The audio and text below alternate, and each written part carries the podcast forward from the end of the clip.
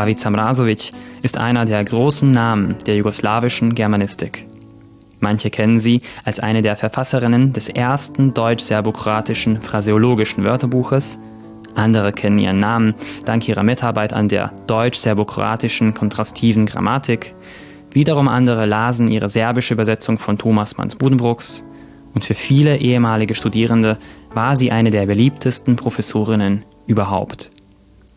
Da 2023 ihr 100. Geburtsjahr markieren wird, initiierten ihre Nachfahren gefördert von der Stiftung Novi Sad Europäische Kulturhauptstadt, ein Familienprojekt, durch das letztendlich ein Buch zu Ehren der Professorin entstand.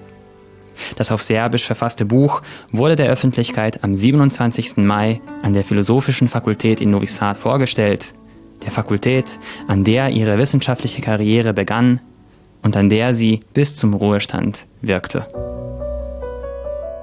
Heute haben wir vor allem eine Buchpromotion. Äh, danach wird auch eine Panel-Diskussion stattfinden. Und dann äh, zum Schluss haben wir hier heute auch eine Eröffnung dieser schönen Ausstellung. Aber vor allem würde ich jetzt äh, gerne sagen, dass äh, wir sehr froh sind, dass wir heute hier zusammen mit der Familie unserer ehemaligen Professorin Mrasovic äh, zusammen feiern können. Äh, natürlich auch mit lieben Kolleginnen und Kollegen, äh, mit, mit den ehemaligen Studierenden äh, unserer Professorin Mrasovic, aber auch mit unseren äh, Studierenden. Ja, das war ein privates Familienprojekt, äh, mehr oder weniger über eine hervorragende, wirklich herausragende Germanistin des früheren Jugoslawiens. Wir haben das tatsächlich so als nebenbei, neben unserer eigentlichen Arbeit, äh, Raschko Radovic und ich, ähm, zusammen erstmal angedacht und dann irgendwann mal auch umgesetzt, durchgeführt. Ähm, genau, das ist das Schöne, es ist eine Zusammenfassung. Äh, wir haben das biografische, bibliografische Aufzeichnung genannt, weil genau das ist das auch. Es gibt so im Wesentlichen drei Teile. Es geht um Pavica Mrazovic. Das Buch beginnt und endet mit ihren eigenen Worten. Ähm, der erste Teil ist ähm, also ein biografischer, da sind auch nochmal Stimmen der Familie mit aufgezeichnet. Der zweite Teil, da geht es im Prinzip um, um das Bild von Pavica Mrazovic in Welt der Germanistik. Also eher so ein ja, für ein wissenschaftliches Publikum. Und dann gibt es einen dritten Teil, das ist die erste zusammenfassende und kommentierte Bibliografie. Also nicht nur eine Auflistung ihrer Arbeiten, sondern auch wirklich ein bisschen Kontext gesetzt. Genau, und dann gibt es nochmal einen ganz, ganz schönen Brief von Pavica Mrazovic an ihre Familie, aber auch wirklich ganz toll geschrieben. Verrate ich jetzt nicht mehr äh, äh, zu viel, aber genau, das ist so, so ein bisschen die Struktur des Buches. Bei der Panel-Diskussion, die Teil des Programms war, wurde vorwiegend über Pavica Mrasovic als Wissenschaftlerin gesprochen. Darüber, was ihren Nachlass in der Germanistik ausmacht. Eine der eingeladenen Sprecherinnen war Dr. Anna Stipancevic vom Novi Sada Institut für Germanistik. Wir werden über das Leben und Werk von Professorin Pavica Mrasovic äh, sprechen und ähm, ich persönlich werde mich jetzt auf diesen methodisch-didaktischen Bereich beschränken und über ihre große Verdienste sprechen, die sie gerade in diesem Bereich geleistet hat. Also sie war eine Professorin mit einer äh, Mission, ähm, den Unterrichtsprozess zu modernisieren, zu verbessern, bei den Lernenden Spaß am Lernen zu entwickeln. Und äh, sie war diejenige, die eigentlich Methodik als Fach an der äh, Universität eingeführt hat.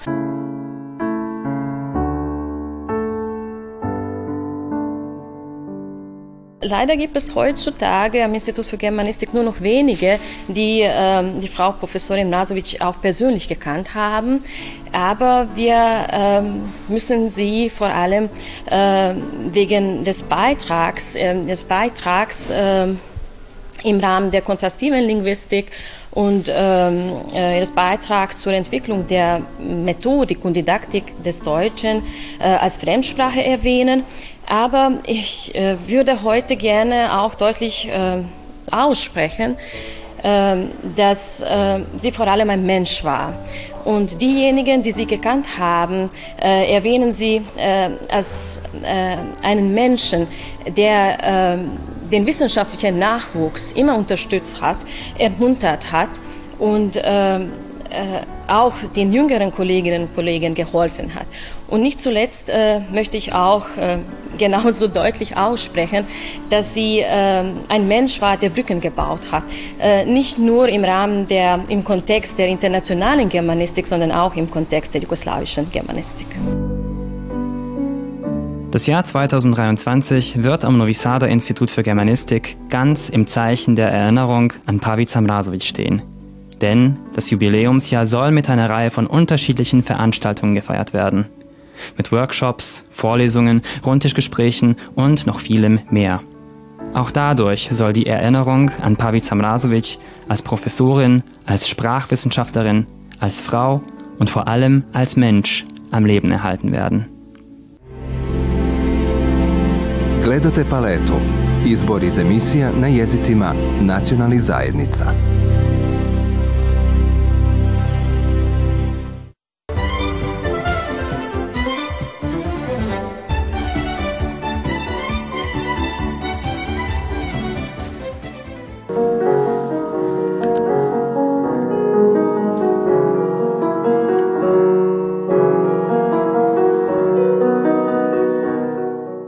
Wenn ich das Wort Wandrowka erwähne, viele Deutschlehrerinnen und Deutschlehrer wissen gleich, worum es sich handelt.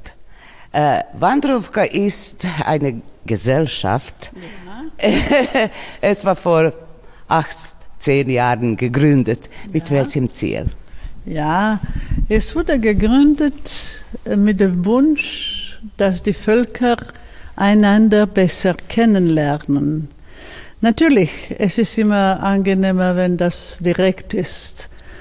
Aber da man nicht immer die Gelegenheit hat, dies zu tun, haben wir das sozusagen ausgedacht, die Leute bzw. die Völker näher in Berührung zu bringen. Und es ist uns gelungen. Frau Kovacevic, was ist für Sie die wichtigste Mission von Wandrowka? Also äh, seit äh, Mai 2018 äh, ist die serbisch-deutsche Gesellschaft Wandrowka als Sektion äh, für die deutsche Sprache äh, und Bestandteil des serbischen Deutschlehrerverbandes. Äh, die Gründerin und Präsidentin der Gesellschaft ist meine ehemalige Professorin an der Fakultät, Dr. Vesna Beric-Djukic, und sie beschäftigt sich eigentlich äh, mit den Themen aus der deutschen Kultur und Tradition. Äh, als Deutschlehrerin besuche ich ihre Vorträge regelmäßig und sehr gerne. Und alle Vorträge und Veranstaltungen wurden erfolgreich, sehr interessant und hervorragend organisiert. Bis jetzt haben wir 30 Vorträge gehabt äh, wobei wir die ausgesuchten Fachleute gebeten haben, uns einen Vortrag halten zu wollen. Es ist natürlich immer eine Freude gewesen. Und vor allem, das muss ich betonen, das Beste war, dass viele Leute uns besucht haben und die Vorträge hören wollten. Es gibt keine bessere, bessere, wie soll ich sagen, Preis dafür, als dass man so viele Besucher hat. Haben Sie vielen Dank. Ja, und Sie waren die Gründerin, nicht wahr? Ja, ich war die Gründerin mit ein paar Kollegen, jüngeren Kollegen, die bereit waren, mir zu helfen. Leider bin ich fast die einzige geblieben von diesen ersten Jahren. Aber es fällt mir noch immer nicht schwer. Obwohl ich, ich möchte nicht sagen, dass ich alt bin, aber viele Jahre hinter mir habe. Naja, und äh, viele, die hier präsent sind, sind äh, ihre ehemalige Studenten. Ich auch. Und ich bedanke mich herzlichst für alles, was Sie uns gegeben haben. Es war meine Freude. Dr. Katinka Hegedüsch ist Germanistin und Theologin. Und heute haben Sie einen Vortrag. Worüber handelt es sich? Äh, ich werde heute über Auferstehung Christi sprechen aus theologischer Sicht. Aber nicht so ganz theologisch, sondern was bedeutet die Auferstehung für uns heute im 21. Jahrhundert? Ich beschäftige mich auch mit den Donauschwaben aus mhm. diesen Regionen und ich bin in guter Beziehung mit der Gründerin von Wandrowka, natürlich. Ja. Und äh, wo haben Sie studiert? Äh, in Szeged studiert, in Ungarn. Aber nostrifiziert habe ich es in Belgrad und dort habe ich auch meine Doktorstudien gemacht. Frau Irdiko Vracaric ist ehemalige Deutschlehrerin, aber Sie haben äh, die zweite Gesellschaft für Deutschlehrer weitergeleitet. Ja, ja, genau. Ja? genau. Wann war es? Oh, es ist schon sehr lange her. Ja. Und äh, womit haben Sie sich in dieser Gesellschaft befasst? Ja, wir haben äh, Treffen mit Deutschlehrern gemacht. Dann haben wir Seminare gemacht für die Deutschlehrer. Mhm. Äh, und, äh, und alles, was, äh, was etwas Interessantes war, da haben uns wir getroffen und haben darüber gesprochen. Und, und die Interessen haben da. ja. Was für Themen waren es?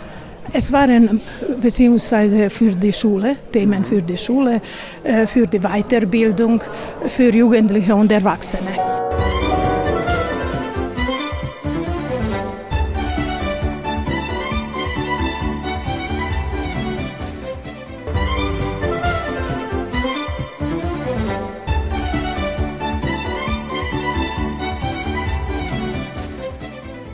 Das erste Liebesliedfestival bei uns und zwar in Sörmisch-Mitrovic. Äh, die Veranstaltung organisierte der Deutsche Verein Sörmisch-Mitrovic hier im Museum von Srem. Was ist wichtig von dieser Manifestation zu wissen? Die Bedeutung des ersten internationalen Sologesang-Festivals Liebeslied liegt für unseren Verein darin, dass wir unsere Aktivitäten dadurch auf ein neues Niveau heben. Dazu gehören die Kunst der Musik, die Sololieder und das deutsche Lied. Das Festival hat über 30 Teilnehmer, die selbstverständlich aus der Stadt des Gastgebers aus Syrmisch-Mitrovic kommen, aber auch aus Novi Sad, Pančevo, Smederevo und so weiter. Die Auftritte werden von einem dreiköpfigen Jury beurteilt. Und der Vorsitzende ist Herr Nicola David, der Tenor aus Deutschland, aber aus Weißkirchen aus der Vojvodina, nicht wahr? Richtig, richtig. Ich bin in Weißkirchen geboren, aufgewachsen, in Novi Sad studiert. Meine ersten Bühnenauftritte waren äh, auf der Bühne des Serbischen Nationaltheaters in Novi Sad, dann in Belgrad und dann bin ich 1998 nach Deutschland gegangen. Dort war auf, auf den verschiedenen Open Bühnen und ich lebe seit fast 23, 24 Jahre in Deutschland und das ist, Deutschland ist praktisch meine zweite Heimat geworden. Ja, in München? In München, ich arbeite, aber ich wohne in Augsburg mit meiner Familie, mit meiner Frau mit, und zwei Kindern. Und äh, Sie befassen sich mit jüdischer Musik, nicht wahr? Richtig. Äh, äh, zuerst, äh, mein erster Beruf war als Opernsänger, Konzertsänger und seit 2012 12, ich bin der erste äh, jüdische Kantor in Deutschland ordiniert nach dem Zweiten Weltkrieg. Und das ist meine jetzt Spezialisation als äh, Kantor zu arbeiten, aber ich unterrichte Stimme und Stimmbildung an der Hochschule in Esslingen. Und Sie singen? Natürlich, das ist mein erster Beruf und immer meine Berufung praktisch geworden, dass ich äh, mit dem Gesang, mit der Musik, äh, das ist mein Leben.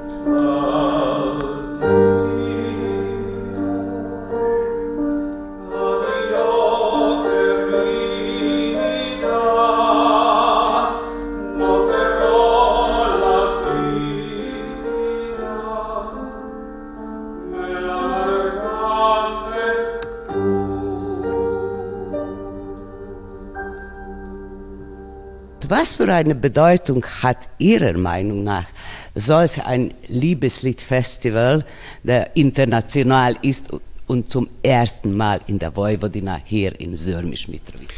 Das ist eine wunderbare Idee. Ich möchte das gerne begrüßen und äh, ich bedanke mich ganz herzlich von Alexandra, die mich äh, eingeladen hat.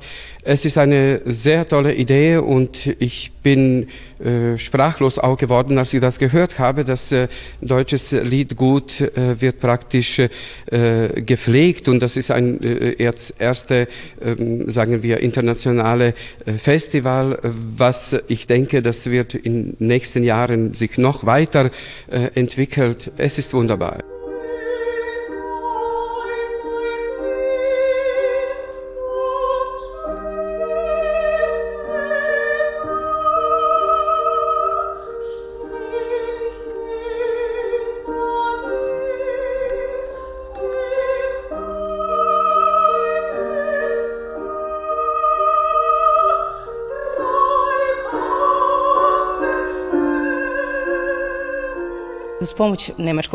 Durch die Hilfe des deutschen Vereins Sirmisch Mitrowitz konnte ich meinen langjährigen Traum nun verwirklichen. Es engagierte sich eine große Zahl von Kollegen, Freunden und Schülern aus verschiedenen Städten. Sogar aus Slowenien kamen Teilnehmer zu diesem Anlass. Wir haben wunderbare Preise und ich würde sagen, dass wir hinsichtlich unserer Auszeichnungen origineller sind als andere Wettbewerbe. Wir haben sogar Preise für die Chorrepetitoren eingeführt. Sie werden nur wenig geschätzt, für uns sind sie jedoch sehr wichtig. Ein Sänger kann nämlich ohne hochkarätige Klavierbegleitung nicht auftreten. Außerdem wird natürlich, wie bei jedem Wettbewerb, der beste Laureat ausgezeichnet. Und wir haben auch einen weiteren besonderen Preis, und zwar den für das am besten vorgesungene deutsche Lied. Ich hoffe, dass alle Teilnehmerinnen und Teilnehmer zufrieden sein werden, dass dieses Festival seine Tradition fortführen wird und dass wir ihn noch viele Jahre mit einer stetig wachsenden Teilnehmerzahl organisieren können.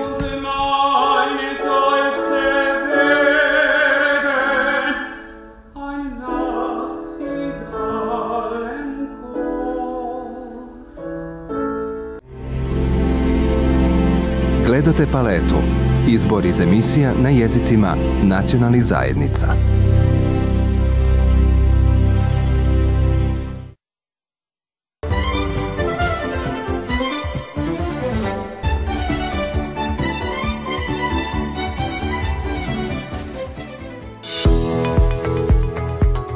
Viele Bücher, die wir als Kinder und Jugendliche gelesen haben, waren Übersetzungen von Werken aus der ganzen Welt. Man denke nur an die Märchen von den Brüdern Grimm oder von Hans Christian Andersen, die jedes Kind in Serbien kennt. Das Übersetzen von Literatur ist an sich eine Herausforderung, doch Kinder- und Jugendliteratur stellen eine besondere Herausforderung dar. Warum das so ist, konnten Studentinnen des Lehrstuhls für Germanistik der Philosophischen Fakultät in Novi Sad im Rahmen einer Werkstatt zu gerade diesem Thema erfahren. Kinder- und Jugendliteratur ist etwas, was bei uns im Programm eigentlich bislang keine wirkliche Stelle hat. Und meine Kollegin Bilan und ich wollten deswegen auch diesen sehr interessanten Bereich der Literatur den Studenten und Studentinnen vorstellen. Und das haben wir jetzt im Rahmen einer Übersetzungswerkstatt gemacht, denn viele unserer Studenten haben großes Interesse eben für das Übersetzen. Und überhaupt literarisches Übersetzen ist etwas, was wir nicht so oft machen, aber die Studenten scheinen sich sehr, sehr daran zu freuen. Bei der Kinder- Jugendliteratur gibt es bestimmte äh, Besonderheiten und diese erfordern Strategien und Wissen darüber, wie geht man damit um, was kann man mit einem Text machen, um ihn erfolgreich zu übersetzen. Und das wollten wir den Studenten heute vorstellen. Wir sind sehr zufrieden damit, wie sie darauf reagiert haben. Sie sind sehr kreativ, sehr einfallsreich und ich bin mir sicher, dass wir dieses Thema in irgendeiner Kapazität auch in der Zukunft ansprechen werden. Also wir haben uns äh, gedacht, dass wir erst einen kurzen Theori eine kurze theoretische Einleitung geben. Äh, Iva hat über die ähm, äh, Kinder- und Jugendliteratur allgemein gesprochen und ich habe darüber gesprochen, welche Herausforderungen beim Übersetzen zustande kommen und welche Strategien es gibt, die man dann anwenden kann in der Übersetzung. Und dann haben wir unterschiedliche Beispiele gegeben, ähm, an denen die Studierenden ausprobieren konnten, welche Strategie wie funktioniert, was ihnen gefällt, welche Probleme es gibt und äh, auch, was sehr wichtig ist, äh, sie konnten lernen, dass es äh, so viele äh, Übersetzungen gibt, wie viele Übersetzer es auch gibt. Die Werkstatt war für Studentinnen des Lehrstuhls für Germanistik zugänglich. mit der einzigen Voraussetzung, dass man für eine kreative Herausforderung offen sei. Die Teilnehmerinnen waren aus allen vier Jahrgängen und für manche war das der erste Kontakt mit dem literarischen Übersetzen. Ich mag das Übersetzen nicht so, aber das Übersetzen der literarischen Texten ist ziemlich interessant. Ich interessiere mich sehr äh, für die Literatur und für die Übersetzung äh, der Literatur und deshalb habe ich mich äh, für diesen äh, Kurs gemeldet. Ich möchte eine Dolmetscherin werden äh, und heute hab, hatte ich eine Chance äh, zu übersetzen, weil wir ähm, nicht übersetzen, nicht in der ersten Jahr übersetzen. Obwohl diese Art des Übersetzens am Lehrstuhl nicht zum gewöhnlichen Programm gehört, hat die Werkstatt gezeigt, dass bei den Studierenden auf jeden Fall ein großes Interesse dafür besteht. Zufrieden waren am Ende sowohl die Leiterinnen als auch die Teilnehmer. Ich bin sehr zufrieden. Äh, ich sehe, dass Sie ähm, Lust haben, daran zu arbeiten und dass es Ihnen Spaß macht. Und es ist, das Interesse war auch wirklich sehr groß. Und ich denke mal, wenn Studierende äh, Samstag 15 äh, Uhr zur Uni kommen, dann heißt das schon was. Es hat mir sehr gefallen und ähm, besonders die äh, Gruppenarbeit und die Übersetzung des Textes. Es war angenehm und ich äh, hatte eine Chance, um neue Leute zu kennenlernen. Ja, sie hat mir sehr gefallen und ja, leider, dass es nicht so, dass es so kurz gedauert hat.